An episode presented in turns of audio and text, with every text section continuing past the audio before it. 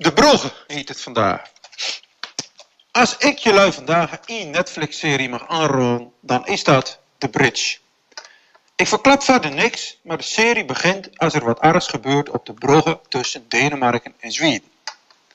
Op erg hebben we onze, onze eigen bridge, de Arie de Wit Bridge, eh. Gisteren, midden op de ochtend, kuierde ik eroverheen en toen viel mij pas echt op hoe vreselijk druk die brugge gebruikt wordt. En over deze bruggen kunnen ze ook wel een Netflix-serie maken. Een soap. In seizoen 1 van De Brugge ging De Brugge elke keer precies om V voor 1 en open. Een groot mysterie. Wie denkt dat? Het spoor leidde naar Lelystad, waarin een groot, duister controlecentrum de bedienden, de brillen van de luiers neuzen lachten, als ze op de camerabeelden al die kwaaie, hongerige urkers zagen wachten voor één klein jachtje. Onze dappere wethouder ging de strijd aan. Afleveringen vol met achtervolgingen, verhitte discussies en vooral veel files. Maar hij maakte een einde aan de ellende.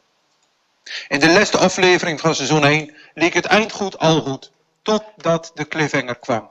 Vlak voor de aftiteling doodden de slagbomen en ging de bruggen tergend langzaam toch weer open, om precies kwart voor één. In seizoen 2 verdelgden de bad guys van het Lelystad Achai per ongeluk een skip en ook de bruggen bij de Arkerslust.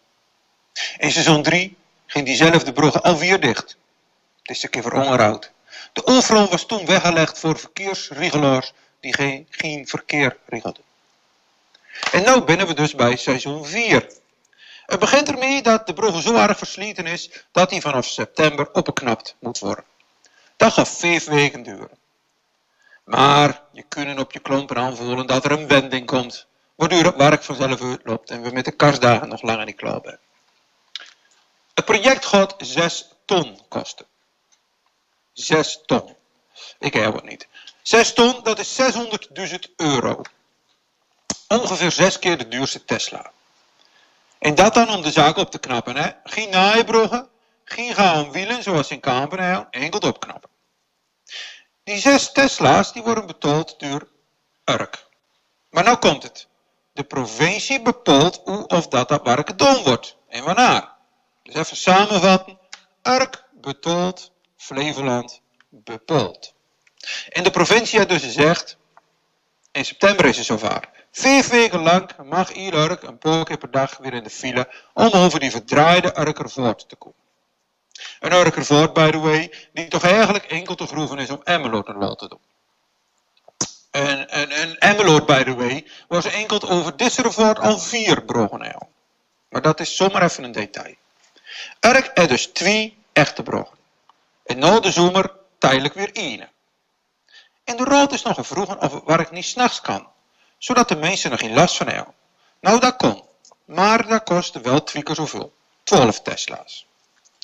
Een ander idee dan. Wachten tot de derde klaar is. Want het schijnt dat die er toch echt gaat komen binnenkort. Op papier legt hij er al.